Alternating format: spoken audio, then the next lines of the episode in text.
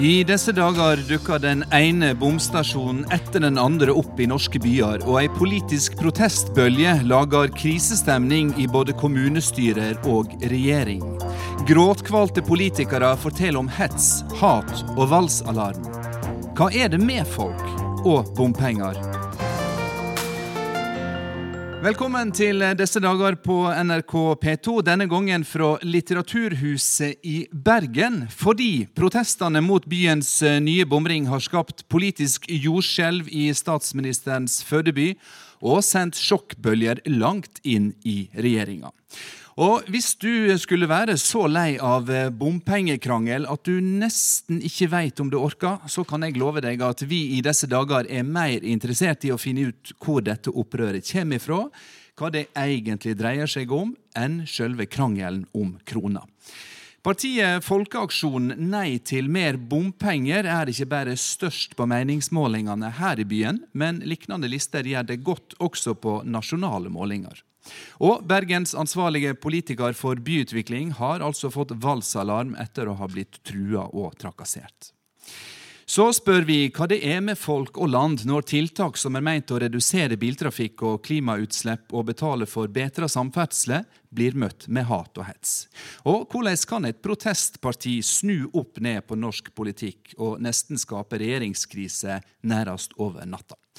Her på Litteraturhuset i Bergen får du høre vårt publikum.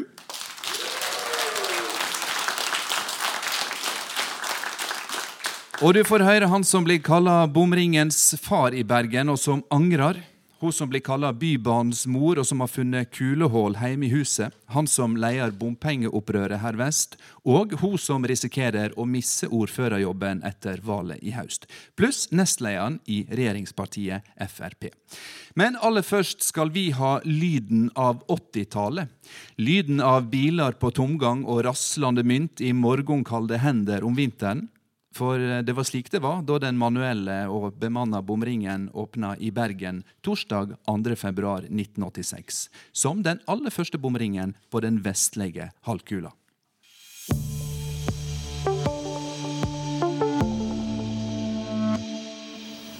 Klokka ti i formiddag var den historiske øyeblinken.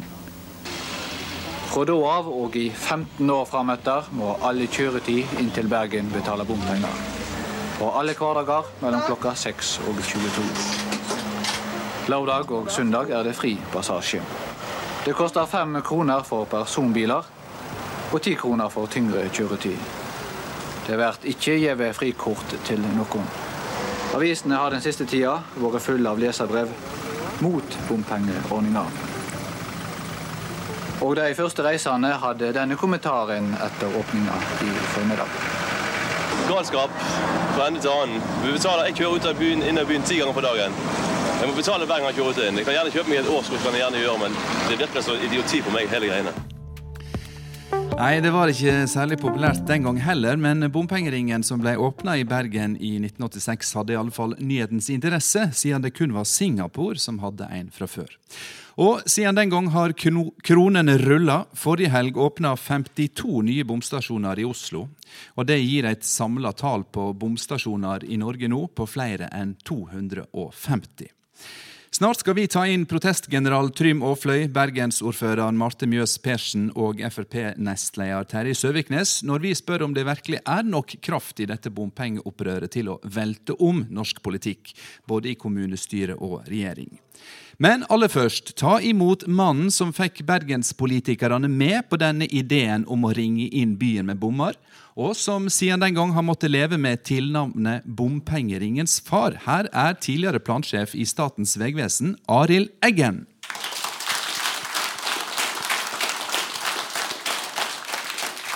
Ja, velkommen, Arild. Nå skal vi litt tilbake i tid. Vi har hørt lyden av 80-tallet. Men kan du fortelle hvordan du jobba og lobba for å få en bompengering rundt Bergen?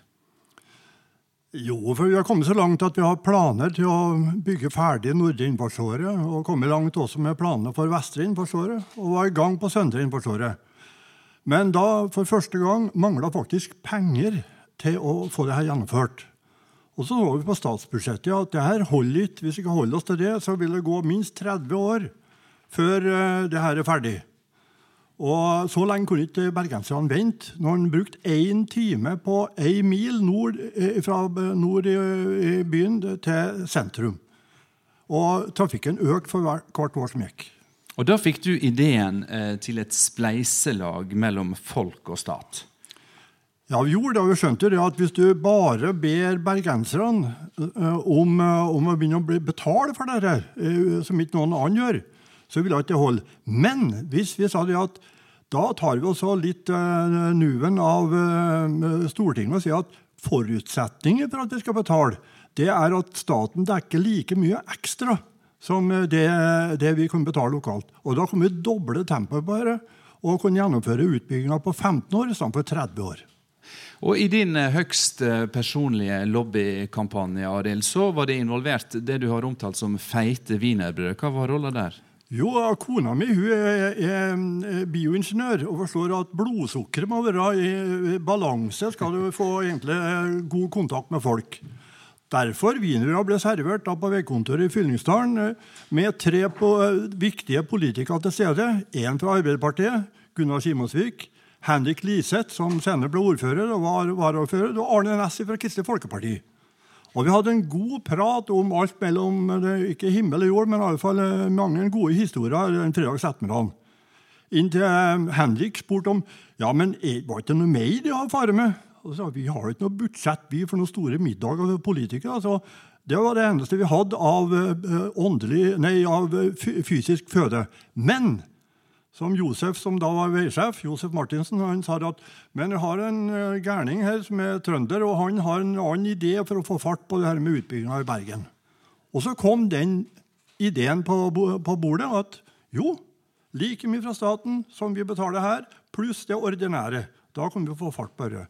Men forutsetninga var at hvis dere en av dere sier nei, det her er bare tull, så glemmer vi hele greia, sier god helg og glemmer hele møtet. Men med heimelaga feite wienerbrød så ble de overtalte. Og så var utfordringa da å få eh, folket, altså bergenserne, til å forstå eh, hva for en genial plan du hadde. Og da eh, brukte du mediene bevisst? Jo, det gjorde det. Og mediene de var jo interessert, for det er jo, transport er jo livsviktig for alle individ på denne kloden, og også for bergenserne. Og eh, Da fikk vi med seks eh, journalister i to biler hvor vi installerte eh, en bensinmåler. Tok dem med om, på nattestid nærmest ut i Åsane og kjørte dem på én time inn til byen. Oppdaga at de to bilene har brukt mellom tre og fire liter på den mila den morgenen. Altså den gangen fem kroner literen, men altså 20 kroner koster det å komme seg på jobben, og like mye hjem. Og så har vi kjørt her om natta, og det har brukt begge bilene under en liter. Så vi har altså, tapp, vi har spart altså en fem liter på dagen, eller 25 kroner den gangen, for å kjøre frem og tilbake. Og da å betale fem kroner for å få det her litt raskere, det gikk de fleste med på. Iallfall journalistene. Så dette... For De gikk hjem og skrev da for første gang positivt om at det her var kanskje ikke så dum en idé. så dette ble omtalt i lokale medier, og dermed så var folkets begeistring vunnet, eller? Det var til, jo, mange gjorde det, men selvfølgelig var det da som nå. Når du finner på noe nytt eller gjør noe som ikke er så populært blant folk flest, så er det noen som reagerer. Og um, det er jo, det er jo en uh, litt problem. Altså, jeg ble jo trua med å bli skutt hvis jeg gikk ut om, om kvelden. Så det gikk jo litt varmt for seg en stund, men det gikk over etter hvert. Når vi kom i gang og fikk fart på det der slik som jeg hadde lovt, eller som politikerne hadde lovt, det har selvfølgelig aldri verden gått uten at politikerne sa at jo, det her går vi inn for, hvis ikke er noen annen god mulighet til å komme fart på, på utbygginga. Arild, i tillegg til å kunne historien til bompengeringen i Bergen veldig godt, så kan du også en del om hvordan eh, andre nordiske land har løst eh, skal vi si, dilemmaet med å kreve inn eh, bompenger. Og du refererer stadig vekk til hovedstaden i Sverige, som du mener har gjort det på rette måten. Hva har de gjort der? Jo, altså, Første gang var i Sverige og ga beskjed om den ideen vi har i Norge. Så korsa de seg svenskene. Og det gjør de ikke så ofte, men de gjorde det iallfall da. Sånn gærenskap kunne de tenke seg. Men de så at det ble en, en ordning på det her i Bergen, så, så tok de etter hvert ideen. Og de har jo fått en slags form for avgift for å kjøre inn til byen i rushet. Og da er jo mye vunnet, ettersom har det vekk 10% av trafikken i rushet, sånn som det er i vinterferien, så glir jo trafikken. Til og med over Sotrabrua i Bergen, som har en voldsom trafikk eh, normalt. Så det å få bort rundt 10% da synker all forurensning, og hastigheten for dem som skal til og fra jobben, stiger. Mm. Men svenskene hadde en såkalt trengselsavgift som et ja. prøveprosjekt. De gjorde det, og det ble da fullført videre i Stockholm. Og de har noe lignende også i Göteborg. Men i Sverige så har de jo bare ellers to bompengeprosjekt i hele landet. Og de har til og med gratis ferje, noe som vi aldri har hørt om på Vestlandet. her, Iallfall ikke i min tid. Og I Sverige har de også hatt folkeavstemning om denne trengselsavgifta, og valgte da å, å beholde den. Ja. Eh, nå vet jeg, Arild, du, du, lever godt med tilnavnet Bompengeringens far, men det er et farskap du ikke er så stolt av lenger. Hva er grunnen til det? Nei, fordi at uh, vi driver jo faktisk allerede nå for tiden og diskuterer om vi har eh, Europas dårligste veinett, eller om vi har gått forbi Albania. Så Poenget var jo utgangspunktet ved bompenger det var at du skulle få noe igjen for å egentlig å betale. At det er en sammenheng, sammenheng der. Og som et eksempel, når du sparer 25 kroner ved å betale 5 på Nordre innfartsåre, så er det få som er motstandere av det. Men når pengene brukes til helt andre ting, og du har fremdeles veldig mye ugjort på veinettet, som vi vet her lokalt Arna, Mellom Arna og Bergen er ikke to felt engang så er, så er, det mer enn nok å gjøre på det som var starten. Finansiere noe som brukerne får, får igjen for. Dette kan jeg nesten garantere at det blir diskusjon om senere i disse dager. Og du Arild, skal få være med oss underveis og lytte til det som blir sagt. Og så skal jeg invitere deg inn til ei lita konstruktiv rådslagning mot slutten av sendinga. Takk skal du ha så lenge, Arild Leigen. Takk for det.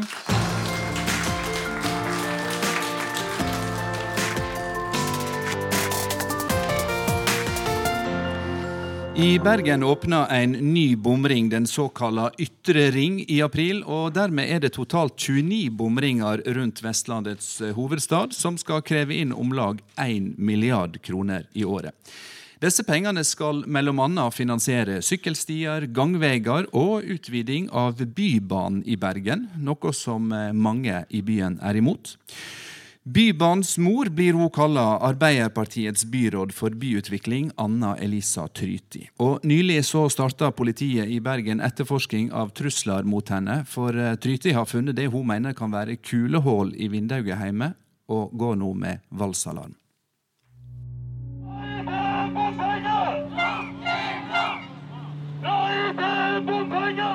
Å si at bompengedebatten engasjerer, vil være en underdrivelse. Folk tar til gatene for å demonstrere, og noen går så langt at de prøver å true de politikerne som står i spissen, til stillhet. Formål å redusere Anna Elisa Trytis livskvalitet. Metoder sjikanering av dem per e-post i sosiale medier, telefonoppringning med utskjelling og krenkelser, klaging av dem i ditt hjem, hærverk, tyveri av din identitet osv. osv. Trakasseringen vil foregå helt til du endrer kurs, trekker deg fra politikken eller begår selvmord. En torsdag kveld i april 2017 falt det et brev gjennom brevsprekken i huset til byutviklingsråd i Bergen, Anna Elisa Trytti. Jeg er jo ansvarlig for byutvikling og samferdsel eh, i Bergen, så det er klart at bompenger er jo mitt politiske ansvarsområde. Timene før hun kom hjem til trusselbrevet, hadde hun holdt en appell foran bompengedemonstrantene, som demonstrerte utenfor bystyresalen. Der ble det diskutert å øke bompengesatsene og innføringen av en ytre bomring i Bergen. Men brevet var bare begynnelsen. Og det gikk jo ikke mange ukene før eh, vi hørte et smell hjemme. Og um, vi fant et kulehull på, på stuevinduet vårt. Uh, og um, dette var jo så nær i tid at vi fikk dette brevet, at det er jo klart at alt dette er jo veldig Oppleves i hvert fall for den som utsettes for det, som at det står i sammenheng med hverandre. Nå lever hun med voldsalarm og er redd for å gå alene på gata. Altså alle som uh, har familie og bor med ungdommer i et hus forstår jo at det å ha kulehull på vinduet hjemme, det å ha en mor som er mye på farten, og som er truet, såpass kraftig som jeg er, og med såpass mange aggressive opplevelser som eh, jeg har hatt i disse to årene, så det er klart at det preger hele familien. Eh, altså, alt har jo vært politianmeldt, og jeg fikk voldsalarm, og politiet patruljerer også rundt hjemmet. I to år har Tryti holdt trakasseringen skjult for offentligheten. Nå står hun fram, og hun er ikke alene. La det være helt klart. En kan ikke true ordfører eller andre folk til å stemme sånn som en vil sjøl. Og det er ikke greit å be ordføreren om å se seg over skuldra til neste sommer. Ordfører i Klepp, Anne Mari Brautnese, tok et gråtkvalt oppgjør med bompengedemonstrantene. Hun valgte fra talerstolen i kommunestyret å fortelle om vold og hets som hun og familien er blitt utsatt for. Det er ikke greit at ungdom på skolen slenger bompengedritt om mor til ungene mine hver gang en går forbi dem. Og det er slett ikke greit å slenge sønnen min i veggen og ta kvelertak på han for å få mor til å snu i bompengesaken. Det er helt utrolig at en skal være nødt til å si det. Brautnese sitt oppgjør gjorde et sterkt inntrykk på Tryti. Og det var òg med og gjorde at jeg bestemte meg for å gå ut. Fordi at jeg tenkte at uh, dette begynner nå å bli et uh, problem nasjonalt, og da, da er det faktisk uh, riktig at offentligheten vet at dette er et, et, problem også i Bergen. Og det har jo vært flere politikere som har vært intervjuet, og som har opplevd ting også i bergensområdet. Kan du gå fritt i din egen by? Føler du det? Jeg eh, føler meg vel friere når jeg er høyt til fjells eller langt ut på sjøen. Og det, det, er jeg nå, med visse mellomrom. Eh, og det er klart at jeg som sagt har mine forholdsregler. Som de sier for tiden, you never walk alone. ja, Det var reporter Ola Solheim som hadde møtt byråd for byutvikling i Bergen, Anna Elisa Tryti.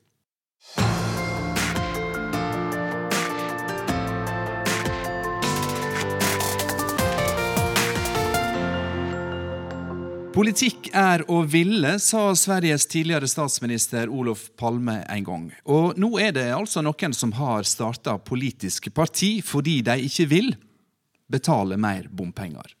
Her er lederen i folkeaksjonen Nei til mer bompenger her i Bergen, Trym Aafløy. Og bergensordfører Marte Mjøs Persen. Og ordførerkollega fra Os og nestleder i Fremskrittspartiet, Terje Søviknes. Aller først eh, til deg, eh, Trym Aafløy, som altså eh, troner øverst på meningsmålingene her i Bergen. Eh, nå har vi hørt byråd Tryti fortelle om hets og hat eh, fra folk som kjemper for den samme sak som deg. og Da lurer jeg på, hva syns du om det Tryti forteller om? Det er helt forferdelig. Det er uakseptabelt. Vi roser oss av å bo i verdens beste land. Et fremragende demokrati med ytringsfrihet og, og muligheter for alle til å engasjere seg politisk. Da kan vi ikke ha det slik at enkeltpersoner skal trues til, til taushet med vold, trusler og andre tvangsmidler sånn at uh, lovlig valgte politikere ikke skal få lov til å utføre det embetet de, eh, er valgt til. Det er fullstendig uakseptabelt. Men tar du avstand fra dette? det du sier? Selvfølgelig tar vi avstand fra det. Og uh, det er uforståelig at noen i det hele tatt kan gå så langt. Det er fint. Du og dine meningsfeller fosser framover på meningsmålingene tre måneder før kommunevalget. Her i Bergen er du nå leder for det største partiet med over 25% oppslutnad på én måling. Du sier at dette er en protestbevegelse. Mot eh, hva da, nøyaktig? Eh, for det første så er det lommeboken til folk. Og det å bagatellisere folk sine daglige økonomiske problemer, det er en øvelse som eh, politikerne egentlig burde holdt seg fra å gjøre, men det gjør de fremdeles. Da får du en eh, protest eh, fra stadig større mengder av mennesker. Husk på, Hvis denne meningsmålingen hadde vært valg, så hadde vi faktisk fått over 32 000 stemmer bare i Bergen kommune. Det er jo det som gjør at mange skjelver i buksene, og det er derfor vi har invitert dere inn hit. Nå har vi altså en ordfører i Bergen og en nestleder i et regjeringsparti. Hva mener du de har ignorert av folkets vilje? Nei, for å si det sånn, Grunnen til at jeg står her, det er jo at de ikke har hørt på folkets vilje. Fordi at Da vi startet dette, så hadde vi jo ingen ambisjoner om å gå inn i politikken. Men vi prøvde med de demokratiske midlene som den vanlige innbygger kan gjøre. Eh, og da vi så at det prellet fullstendig av på alle, så så vi oss ikke eh, noen annen mulighet enn å faktisk si det at da må vi inn i de politiske eh, rom og delta i de, de, prosessene, sånn at vi også faktisk får eh, muligheten til å bli hørt. Da skal vi spørre deg, Marte Mjøs Persen, som altså er ordfører i Bergen. Eh, hva er det du og dine politikerkollegaer har gjort feil som får folk imot dere på denne måten? Registrerer at fortsatt så er det sånn at f.eks. Bybanen i Bergen er uhyre populær. Det er 40 000-50 000 postinger hver eneste dag. Eh, det er veldig mange som virkelig heier på den politikken vi har. Og så har jeg lyst til å si at jeg forstår veldig godt frustrasjonen blant vanlige folk. Fordi at det er mange ting sammen som virker her. For så har jo kjøpekraften til vanlige folk gått ned. Det blir dyrere for mange å betale regninger generelt sett. Boligprisene stiger stadig. Strømprisene stiger stadig. Folk som er midt i livet og har uh, fått en skade eller en sykdom, de mister arbeidsavklaringspenger og må over på sosialhjelp. Samtidig det, som uh, prisene i bompengeringen går opp. Ja, og, og, da er det sånn at å sette ord på mye av dette her, som handler om sosial ulikhet, det kan være ganske vanskelig fordi det er abstrakt og det er mye som virker sammen, men bompenger er veldig veldig konkret. Og så har jeg lyst til å si at Det er ikke sånn at ikke vi har hørt. For det at vi har gjort faktisk en del grep etter at eh, protestene kom. Jeg er like bekymret for skoleveien i nordre del av Bergen, som jeg vet at også listekandidater til eh, bompengelisten er. Vi har gjort grep, og vi prøver å gjøre. Og så du sågar hjulpet de med å nå fram for å f.eks. få gratis skoleskyss. Du mener ja. dere har lytta til folk? Jeg mener at vi lytter i ganske stor grad, men det er ganske store målkonflikter. Vi begynte jo denne debatten her med å gå tilbake til 1986, i den bydelen som jeg er vokst opp i. Og det som har skjedd i den bydelen siden 1986, det er jo at trafikken økte så grassat utover 90-tallet at fra den levende bydelen som jeg bodde i den gangen, med, med, slakteri og med fiskemann og med blomsterbutikk og post og alt dette her som var i gaten, så er det bare en en trafikkmaskin. Sågar har de til og med skiftet navn på gaten til å bli Åsaneveien istedenfor det lokalbefolkningene. Og en av de tingene vi skal gjøre nå i neste periode, når vi begynner å, å bygge Åsanebanen, det er jo nettopp å ta tilbake den bydelen. Legge bilene i tunnel og åpne opp og ha bybane i gatetun, sånn at folk der ute igjen endelig kan frisk, eh, eh puste frisk luft. Tre, ungene kan trene på et idrettsanlegg som ligger i dag med motorveier, men som i fremtiden så kommer til å ligge i åpent lende. Eh, og det blir veldig bra. Terje Søviknes, du er ordfører i Os, og du er nestleder i Fremskrittspartiet. Et parti som er glad i å bygge veier, ikke sant? Veldig glad i å bygge veier. Bilistenes parti. Og, og, Ditt parti har vært med på å vedta mange store veiprosjekt som er finansiert med nettopp bompenger, som eh, gjør at Trym Aafløy og gjengen her protesterer, og dermed utraderer en del av Fremskrittspartiet sine stemmer på Eller sine en del av Frp sine stemmer på målingene. Er ikke du og Frp dermed med på å skape det problemet som en del av folka i ditt parti mener er så stort at dere må ut av regjering? Nei, det mener jeg absolutt ikke. Fremskrittspartiet har vært og er prinsipielt imot eh, bompenger som finansieringskilde til eh, veiprosjekt, til samferdselsinfrastruktur. Det er noe sært ved at akkurat det som går på vei, der skal vi ha en veldig tung brukerbetaling. Selv om det er et fellesgode, så skal noen betale for det. Men dere stemmer jo andre, for et prosjekt som er bompengefinansiert. Og så får dere et problem med disse vedtakene. Ja, men få fullføre resonnementet. På andre eh, områder, der vi investerer i infrastruktur for fellesskapet, der betaler staten eller det offentlige regningen. Sånn burde det vært òg på vei. Man klarer det i stor grad i Sverige, man klarer det i stor grad i andre land. Og så har vi lagt oss til en modell da, etter starten i Bergen i 1986, der man stadig vekk skal ha større andel av bompenger. Og det som er det store frustrasjonstemaet nå, er jo at i Bergen og de andre store byene, Stavanger, Trondheim, Oslo, og for så vidt òg en del av de mellomstore byene, så begynner man å snakke om byvekstavtaler, bypakker, der bilistenes bompenger ikke lenger skal gå til veien de kjører på. De får ingenting igjen. Deres penger skal brukes til alt annet, nemlig bybane, altså kollektivkonsept, og gang- og sykkelvei. Og da komme kommer frustrasjonen. Vi skal komme inn på Det er jo dette. ikke riktig det Søviknes her sier. Altså, poenget er jo at det skal jo gå både til vei og til kollektiv og til gående og sykling. Jeg kan ikke finne meg i at ordføreren i Os kommer hit og sier at ikke vi skal trygge skoleveier for ungene våre. Og Frp er glad i bompenger.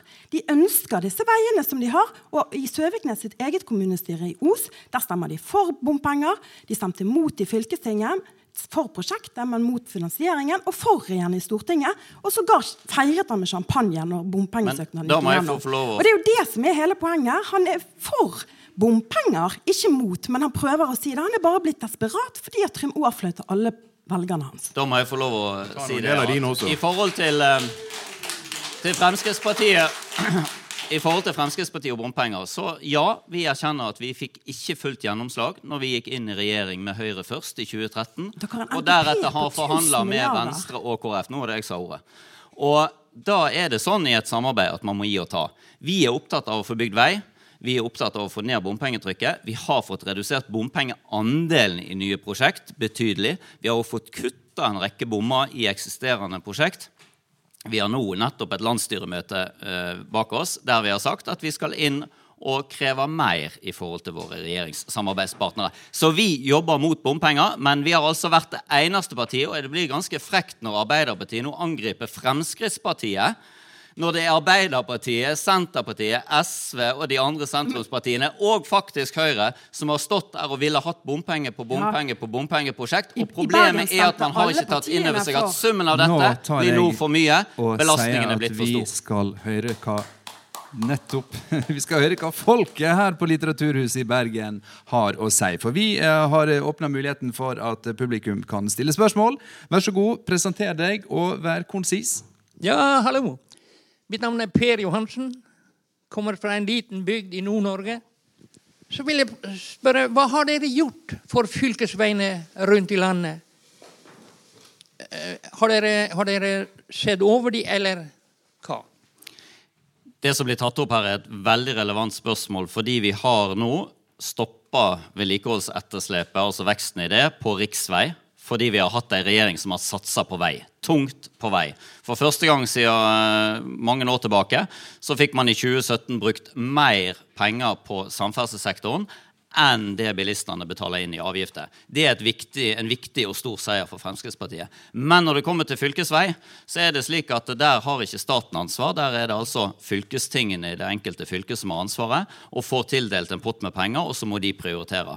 Så spørsmålet som her blir stilt i forhold til Nordland, burde nok gått til de ansvarlige politikerne i Nordland eh, fylkesting og i fylkesrådet der. Nytt spørsmål fra salen, vær så god. Det er Linda Haugland. Eh, jeg har litt andre spørsmål jeg, som går eh, litt på andre verdier. Hva skjer eh, hvis bompengene blir fjerna? Vil det gå utover eh, tjenestene innen helse, omsorg, skole til de svake i samfunnet? Hva skjer? Da må vi svare litt presist og kort. Bergensordføreren først. Det er klart at eh, det vil gå utover noe. Eh, og i all hovedsak så vil det gå utover samferdselsprosjekter. Veier, sykkelveier, eh, gangveier, trafikksikring for ungene våre og bybaneutbygging og kollektivutbygging. Det er det det aller mest vil gå utover. Men samtidig så vil det også gå ut av noe annet, for du snakket om andre verdier. For så vil trafikken inn til Bergen sentrum øke med 20% hvis ikke vi har bompengefinansiering. Det er dramatisk. Jeg mener det handler om å prioritere, eh, i tillegg til at Norge har altså en fantastisk økonomi.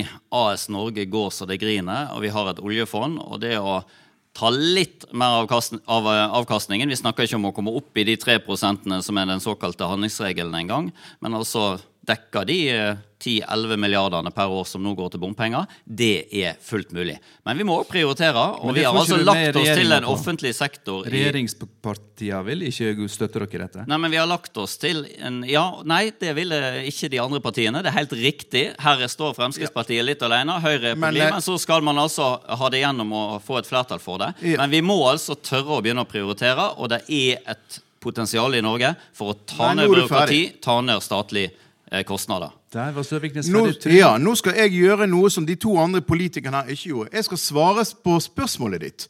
Du spurte om det kommer til å gå utover helse, skole, eldreomsorg, kultur. Svaret på det er nei. Fordi at heldigvis så er det fremdeles ikke sånn at de får lov til å bruke bompenger til den typen kostnader. De tingene går, ut og, eh, går over det ordinære drifts- og investeringsbudsjettet til Bergen kommune, som finansieres på helt andre måter. Så bompengene har altså ingenting å si for de tingene som du nevnte. Det er jo ikke riktig. For hvis man gjør sånn som Søviknes sier, nemlig tar fra statsbudsjettet, så går det utover helse og skole og alt det andre viktige vi skal finansiere. Nå vil jeg tilbake der vi begynte i stad, fordi du Trym Aafløy, sier at dette er en protestaksjon. Og det er en protest mot politikerne som ikke har eh, hørt på eh, folket sitt. Og da lurer jeg på først eh, til deg, som altså er ordfører i Bergen, Marte Mjøs Persen. Hvordan kjennes det for en representant for et statsbærende parti som Arbeiderpartiet? og kanskje måtte gi fra seg ordførerkjedet til en gjeng med bompengeaksjonister? Først har jeg lyst til å si at jeg er faktisk veldig glad for at eh, Trym og de andre har eh, valgt å stille til valg. Eh, det er en demokratisk rett når man eh, ønsker å få fram en sak. Eh, og så tror jeg kanskje ikke det kommer til å skje. Fordi at eh, det er veldig stor oppslutning om den eh, politikken vi driver, spesielt innenfor det som vi har gjort innenfor eldreomsorg, skole, helse, miljø og klima. Og det som er da med eh, ensakspartier, er at de tilsynelatende prioriterer én sak, men så samtidig sier jo Aafløy i Bergens Tidende tidligere i uken at alt er like viktig for han. Og det er jo et veldig sterkt uttrykk for at man ikke evner å prioritere noe i det hele tatt. Og da har jeg lyst til å si. Arbeiderpartiet Arbeiderpartiet prioriterer barn og unge, eldre og miljø og klima Og dermed var valgkampen i gang. Trym eh, og Fløy, hvordan ser du på eventuelt å gjøre et sånt brakvalg som målingene nå tyder på, og ende opp med stor politisk makt i Bergen? Du, Det er en veldig interessant eh, situasjon. Jeg kan love deg at det er ingen andre personer som heller har erfaring med det som vi eh, nå kanskje står utenfor. Og I motsetning til det som ordføreren sier her, så kan jeg bare minne om den eh, meningsmålingen som ble eh, eh, offentliggjort i NRK for bare et par dager siden. Der altså vi som stiller liste i elleve kommuner, vi er faktisk det femte største partiet på Stortinget hvis det hadde vært valg da. Og det er i, altså et parti som bare stiller i elleve kommuner. Så det, det jeg kan si, er at vi har fått en, eh, en eh, mulighet som vi ikke trodde på eh, da vi startet. Og det jeg sier, som jeg sier om igjen og om igjen Vi skal gjøre den jobben. Vi skal være grundig forberedt før valget. Og vi skal stå på for at innbyggerne våre skal få en politikk som tar mer hensyn til alle innbyggerne, og som ikke skaper mer luftforurensning i Bergen. Det lover jeg.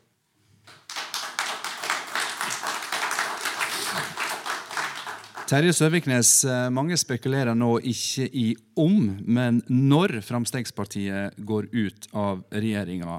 Eh, Mener du at Frp i så fall, i opposisjon, skal stemme imot alle framtidige bompengefinansierte veiprosjekt? Ja, fordi det er prinsipielt feil å ha den type bompengefinansiering av samferdselsprosjekt. Og spesielt der du ikke har et uh, nytte-kost-forhold, altså at uh, bilistene får noe tilbake. Eh, jeg tror uh, rundt omkring i, i landet så er det mange som kan tenke seg å betale bompenger i noen år, hvis man vet at man får erstatta den ferga man allerede har betalt fergebillett på og ser for seg å kunne betale på i, i all evighet hvis ikke man får ei bru. Og det finnes òg de som vil betale for en ny motorvei hvis det halverer reisetida deres. Men når du skal betale som bilist for alt annet, kollektivsatsing, gang, sykkel, da er det ikke rettferdig lenger. Det blir både urettferdig og usosialt. Og da kommer vi til å stemme imot. Og um, det er klart med uh, folkelige, det folkelige engasjementet som er der ute nå, så føler jo vi for det første at det er positivt fordi vi får endelig støtte for ei sak som vi har fått uh, mye kjeft for fra de andre politiske partiene, de etablerte. Vi har stått uh, alene i denne saken og krevd at vi enten skal bruke mer av oljepengene våre, eller at vi må ta det over statskassen. Helt kort til slutt, Søviknes. Blei du overraska over den enorme oppslutninga som Aafløy og hans meningsfeller har fått på målingene? Kanskje litt overraska over at det har gått eh, så raskt eh, på målingene nå. Eh, men nå er det nå tre måneder igjen til valget, og Fremskrittspartiet kjemper en knallhard kamp om de samme velgerne som Trym Aafløy. Men for meg er det viktig at det kommer inn politikere nå som vil lytte til det velgerne faktisk har å si. Og det er en grunn til at jeg har vært veldig tydelig, og Os kommune har vært veldig tydelig på at denne byvekstpakken i Bergen som nå er under reforhandling, faktisk skal sluttforhandles og vedtas av de nye politikerne etter valget. Det er det som er ekte demokrati. Takk skal dere alle tre ha, Terje Søviknes, Marte Mjøs Persen og Trym Aafløy, for at dere kom til disse dager. Du hører NRK P2.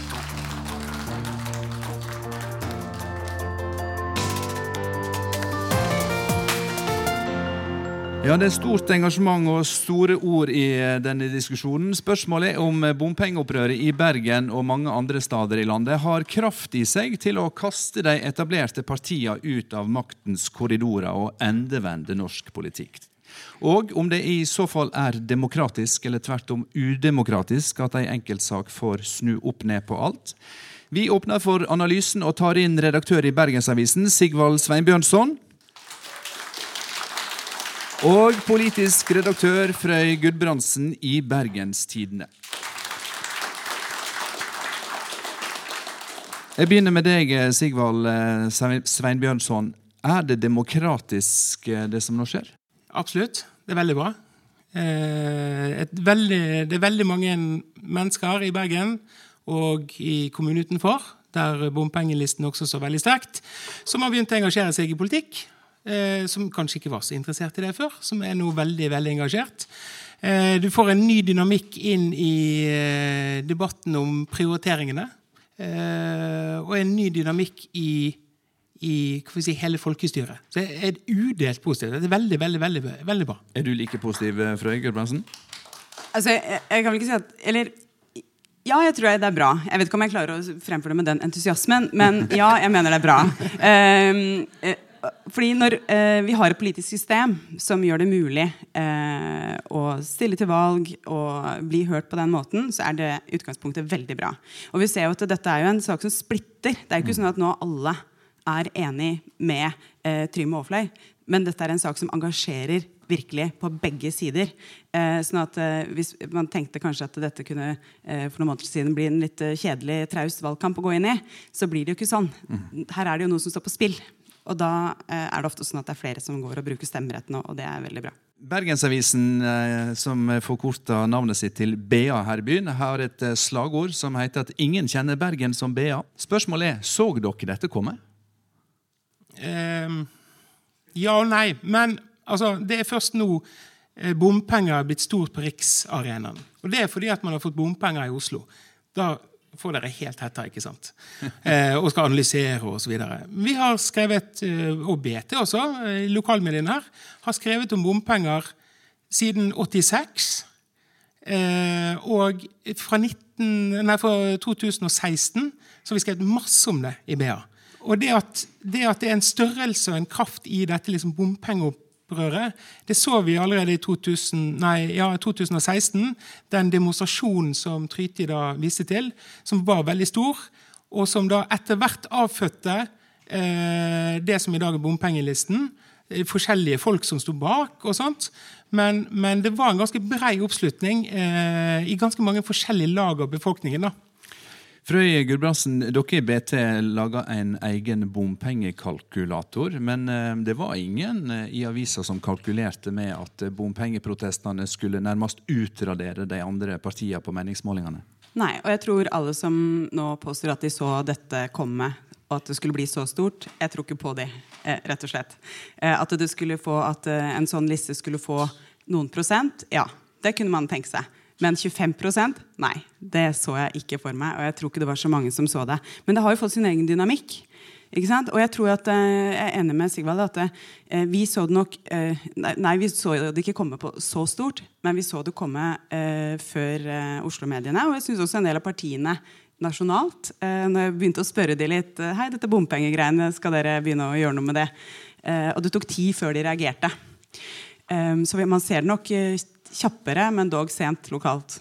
Men hva er dette Vi kaller det et opprør, og, og Trym Våfløye sier at det er en folkeaksjon, en protestaksjon. Hva, dere som ser det utenfra, hva mener dere dette handler om? Sigvald først.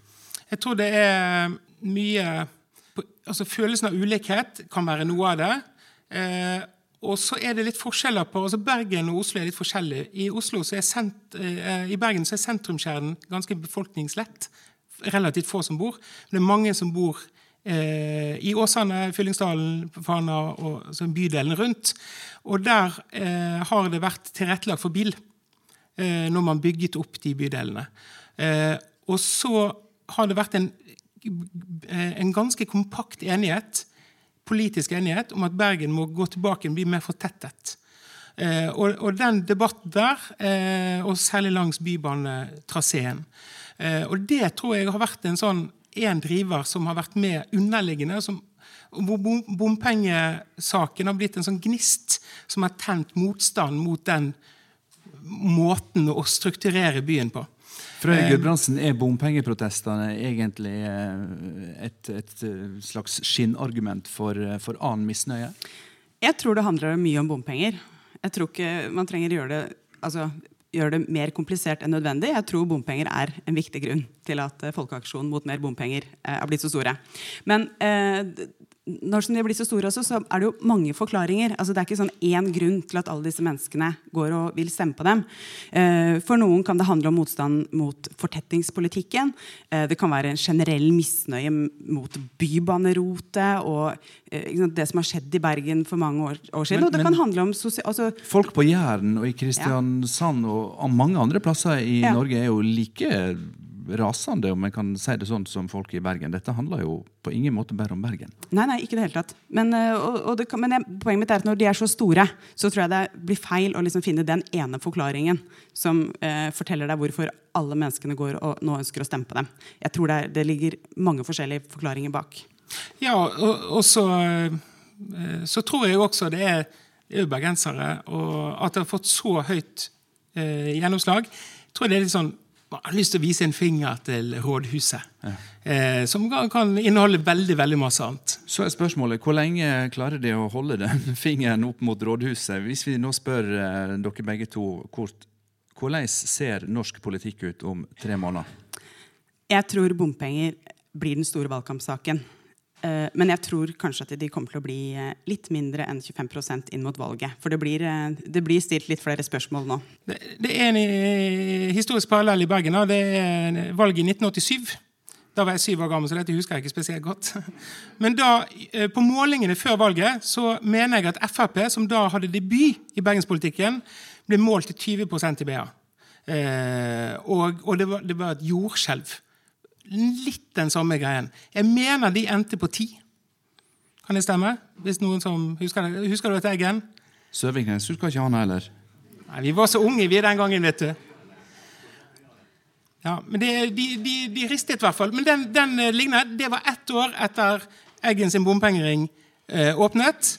Eh, og, og så, er, så tror jeg også det eh, Det er mange jeg har snakket med som, som eh, Jeg kjører ofte til Flesland. da. Og der har du en sånn lang sykkelvei. Veldig få som ser de sykler på den. Den kommer veldig masse opp. Herregud, jeg har bygget den veien. Den er ikke bompengefinansiert, den er statlig finansiert for deg, Søviknes. Søgnes. Takk. Men det, sånne ting det, det irriterer. og sånn, faen, Disse her de er ikke til for oss. Og den, den stemningen der tror jeg er ganske sterk, og vil være det en stund. Ok, Takk skal du ha, Sigvald Sveinbjørnson, redaktør i Bergensavisen.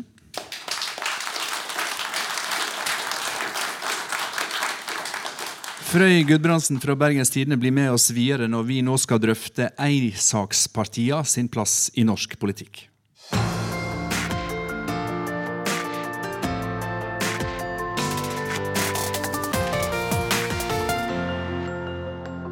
Enkeltsaker og populisme er tema i den siste bolken i disse dager. Og vi skal se om det er en sammenheng mellom de gule vestene i Paris og de rødglødende bompengemotstanderne her i Bergen og i andre norske byer. Vi har tatt inn professor i sammenliknende politikk, Elisabeth Ivarsflaten.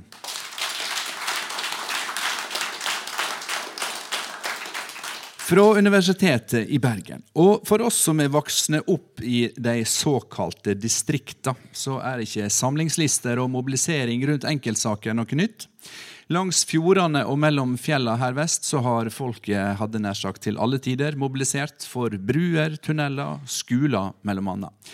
Og i Bergen så er ikke det bare bompenger som har mobilisert til politisk engasjement rundt enkeltsaker. Det har også eh, vært et feministisk initiativ og ei byluftliste som har stilt til valg her i byen. Og der har dere, Elisabeth og Frøy, begge figurert på lista. Yes. Ei politisk fortid, altså. Du Frøy, du sto på sjetteplass ved kommunevalget i 2011, Elisabeth på 40.-plass. Hva mobiliserte dere for, Elisabeth? Eh, bedre byluft. Så enkelt som det? Ja, veldig enkelt. Hvordan vedtar man bedre byluft, Frøy? Eh, nei, da endrer man på politikken sånn at eh, det slippes ut mindre av det som skaper dårlig luft. Mm. Ok, ja, ja. Vi hører at Den politiske retorikken har svekka seg litt. det er greit. Men altså, eh, Eisakspartiet skal vi snakke om nå. fordi Partier som fronter ei sak, de har ofte ikke ei helt åpenbar politisk eh, plattform på andre saker. Eh, hva er det med eisakspartiene og disse listene Elisabeth, som gjør at de likevel får oppslutning? Nå er jeg professor og ikke politisk aktivist. Nå er du professor. Ja. Um, så eh, jeg tenker at ensaksliste egentlig er litt feil navn. Egentlig både for eh, denne bompengelisten og for byluftlisten. Så det er mer sånn de lokale listene. Det er sånn, som et lokalvalgsfenomen. Eh, og de, det de gjør, er jo ofte at de tar opp en lokal sak, og så prøver de å mobilisere rundt den. og Fra et statsvitenskapelig perspektiv så Det som er problemet med det, er at gjerne hvis en sånn liste vokser seg veldig stor, så har man ikke gjennomarbeidet politikk på alle områdene. Hvis den også er helt ny, så har man ikke nødvendigvis kontroll på alle kandidatene man har på den listen. Så der kan det være litt forskjellige ting. Og hvis, Vi har også sett mange eksempler på det, at hvis det kommer inn veldig mange fra en sånn liste, så kan det bli veldig kaotisk fordi at eh, man oppdager at man er uenig om ting. For når man kommer inn i politikken, så, skal det være, så er det én komité for eh, finans og en komité for eh, samfunn og helse. Og man må sitte på alle disse komiteene. Og det nytter ikke bare å si nei til bompenger hele tiden. Du må på en måte, eh, og Spesielt hvis du er ganske mange, så kommer det til å bety noe for hva som blir politikken i byen. Hva disse folkene dine stemmer på. Og Da må du ha beslutningsprosesser internt. og alt mulig sånn. Så det kan bli, det har vi sett mange eksempler på fra andre land. at hvordan det der, Hvis sånne veldig svære kommer inn, så eh, ensakslister er veldig svære å komme inn, så kan det bli veldig problematisk. Frøy, er sånne lister og eisaksparti Er det noe mer enn politisk markering? Er det et korrektiv til politikken som vi har bruk for? Ja, altså Det som jeg tror, og som, jeg, kan, som jeg tror for min del, som, noe, som, gjorde det for meg lettere å på en måte uh, si, si, ja til å stå på en sånn liste, det var at uh, Eh, fordi det er kanskje mer tverrpolitisk. Det er ikke så bindende som å liksom, melde seg inn i et parti. Eh, men samtidig det er et sted å gå med sitt samfunnsengasjement hvis man, hvis man er eh, eh uenig med politikken som blir ført, og, og, ikke føler at man får noe gjennomslag med andre midler, så er det en måte å få gjennomslag på uten å liksom bli politiker-politiker. Men endrer de politikken, da? Eh, det kan de absolutt. Eh, absolutt. Og det kommer jo an på hvor mange, om man kommer i posisjon, hvorvidt man, eh, de andre partiene velger å utestenge en, eller om de har lyst til å lytte på de gode ideene. Så det finnes jo mange måter å få gjennomslag på, selv om man ikke nødvendigvis havner i, i byråd. Mm. Og, dere har stått på samme liste, dere begge statsvitere med sammenliknende politikk som fagfelt. Men du Elisabeth, du forsker fremdeles på eh, politiske protester og på populisme. Skal vi aller først definere populisme sånn helt nøyaktig? Ja, Det er jo faktisk veldig vanskelig å gjøre. Og det er enda vanskeligere for en statsviter enn for en vanlig person. Altså. Så da, da, måtte du ha gitt meg lengre tid. Hvis du skal forklare det for en tiåring, hva sier du da? Ja da, nei, det er det. Altså, populisme er en vi kaller det for en tynn ideologi. Det vil si at den er ikke fullstendig i seg selv. Eh, den må ha noen andre å være med for å gi svar på de politiske spørsmålene som er der. Men det er en slags positur. Det er sånn vi folket mot de elitene, politikerne, eller sånn. Eh, så Ut ifra det så er det det at alt som er institusjoner og imellom, og sånn, eh, som, som, gjør at liksom ikke det vi folket vil, bli gjort, det er trøbbel. Men, men det, ja, så det er liksom, man er litt sånn antisystemisk på den måten. Du opererer med populismens tre ansikt. Hvordan ser de ut? Ja, altså, jeg burde egentlig hatt fire. Så Jeg skrev dette i januar, og så har jeg tenkt siden Jeg glemte jo faktisk eh, skattepopulismen. Men det, vi kan ta den til slutt. Men eh, når jeg snakket om de tre populistiske ansiktene, så er det fordi at vi har snakket veldig mye om høyrepopulisme. Eh, høyrepopulisme, hvis du tenker i europeisk sammenheng, har handlet veldig mye om at man har vendt seg mot innvandrere og i senere tid i større og større grad mot muslimer. Da har man en fortelling om at det er det som er hovedproblemet, og at på en måte innvandrerne og muslimene og politikerne står i ledtog med hverandre og holder på å ødelegge samfunnet vårt, og vi må her kjempe imot. Og Man tror at liksom, hvis man får has på dette med innvandringen, så vil alt annet løse seg. Så det er en typisk sånn høyrepopulistisk fortelling. Så har du en venstrepopulistisk fortelling. Den er sånn roughly, at det er rikingene som er problemet. Og rikingene og eh, disse her eh, politikerne de samarbeider med hverandre. og eh, Politikerne gir dem sånn velferdsprofitt og alt mulig greier. Og, eh, og, så stikker de rike av med alt som alle folkene skulle ha. Og så må man på en måte protestere og, og, få orden på dette her. Og gjerne så er det masse korrupsjon i systemet også som, som gjør at dette her ikke fungerer. Så det er, er den venstrepopulistiske fortellingen. Så har du den distriktspopulistiske fortellingen. Den tredje. Ja, den tredje. Noen kaller det for lands, eh, landsbypopulisme. Eller ruralpopulisme. Eh, så det handler om at her bor jeg. Skikkelig folk ute liksom, Jeg bor her jeg bor. Eh, her er det ordentlige folk som jobber med ordentlige ting og vet å sette en spade i jorden og skru en skru i bilen sin og den typen ting. Og eh, Der inne i byen sitter det høyt utdannede universitetsfolk og skjønner ikke noen ting og drikker caffè latte på kafé og møter politiske redaktører og eh, sånne her eh, andre rådhusfolk. Og så bare bestemmer de ting eh, som, eh, som, er helt feil for oss. Så det er liksom distriktspopulisme. Og det såkalte bompengeopprøret vi nå ser, eh, hva for en av de tre populismene da, eh, er dette, slik du ser det? Eh, så det, mye, det, er veldig mye distriktspopulisme over det. Eh, det, det. Men, men eh, som, som, jeg innrømte, da, så glemte jeg litt denne skattepopulismen, som er en annen form for populisme. Som er liksom at staten stikker av med pengene våre, de vet ikke, de bare liksom skjønner ikke hvor mye vi hardt vi har arbeidet for de, og så bare bruker de de i vei. Sant? Så det er, en, det er en blanding av de to formene som dette bompengegreiene er. Er det en sammenheng mellom de gule vestene i Paris og protestene mot bompenger i Norge? Det er jo det. De startet jo på en måte nesten av akkurat det samme. Så du har en, eh, ja, du har en eh, gjeng med politikere som eh, ønsker å sette i verk forskjellig politikk og lage forskjellige ting som er et svar på klimakrisen.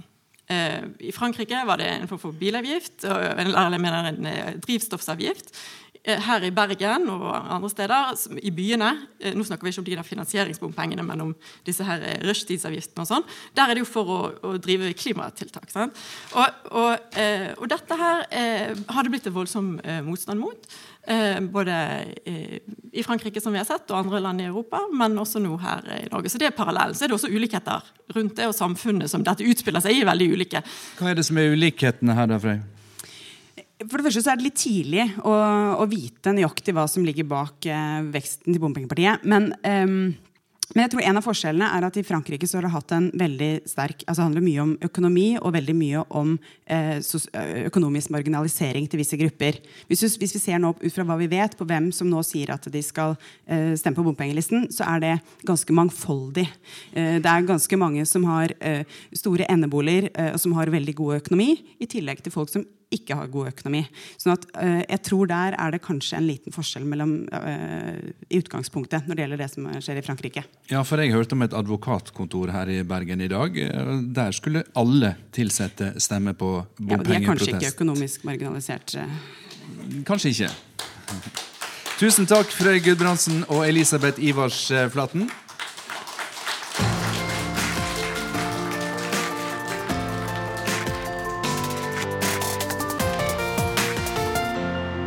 Vi starter denne utgåva av disse dager med et historisk tilbakeblikk på bomringen i Bergen, som altså var den andre i verden etter Singapore. Og mannen som eh, fikk den glupe ideen, var Arild Eggen. Nå har jeg eh, invitert deg inn igjen, Arild. Du var tidligere plansjef i Statens vegvesen. Fordi jeg lurer på om du har en glup idé til. Utgangspunktet her er at Et argument for disse bomringene nå er å redusere biltrafikken inn til bykjernen. Og Det er jo bra både for framkommeligheten, bylufta og klimaet. Men er det andre måter å oppnå samme effekt på? Ja, selvfølgelig. Heldigvis. Også for den store verden hvor det er store byer. Vi kan ta setene i bruk, og vi har god uh, mulighet til det. Alle har en uh, mobil, og gjennom den kan vi skaffe kontakt mellom hvem som helst til en hvilken som helst tid. Og Poenget er å ta de ledige setene i bruk i personbilen, i taxien og i bussen og fyller vi den opp bitte, bitte litt mer, med 20 mer enn det er i dag, så har veldig mye vunnet. Og det koster ingenting. Og I tillegg så redder det også miljø, og det kan vi få til i Bergen. Hvis vi får med oss politikerne til å si at det her vil vi ha, så i to år så er vi godt i gang med å ta nuven av det som er rush igjen i Bergen, uten å salte ned pengene hvor vi får lite igjen for det. Det høres ut som du eh, får eh, god gehør blant eh, publikum her på Litteraturhuset i Bergen. Jeg skal si tusen takk til publikum, tusen takk til deg, Arild Eggen, for at du var med i disse dager. Vi skal også takke for oss. Mannskapet bak dagens sending mellom de syv fjell var reporter Ola Solheim. Teknisk ansvar var ved Geir Døhli Gjersjø. Helje Torsdatter Svensson, og produsent var Ragnhild Vartdal. På e-posten disse dager krøllalfa nrk.no tar vi imot tips og innspill, og invitasjon til å være publikum finner du på Facebook. Håkon Haugsbø heter jeg, og sier takk for følget.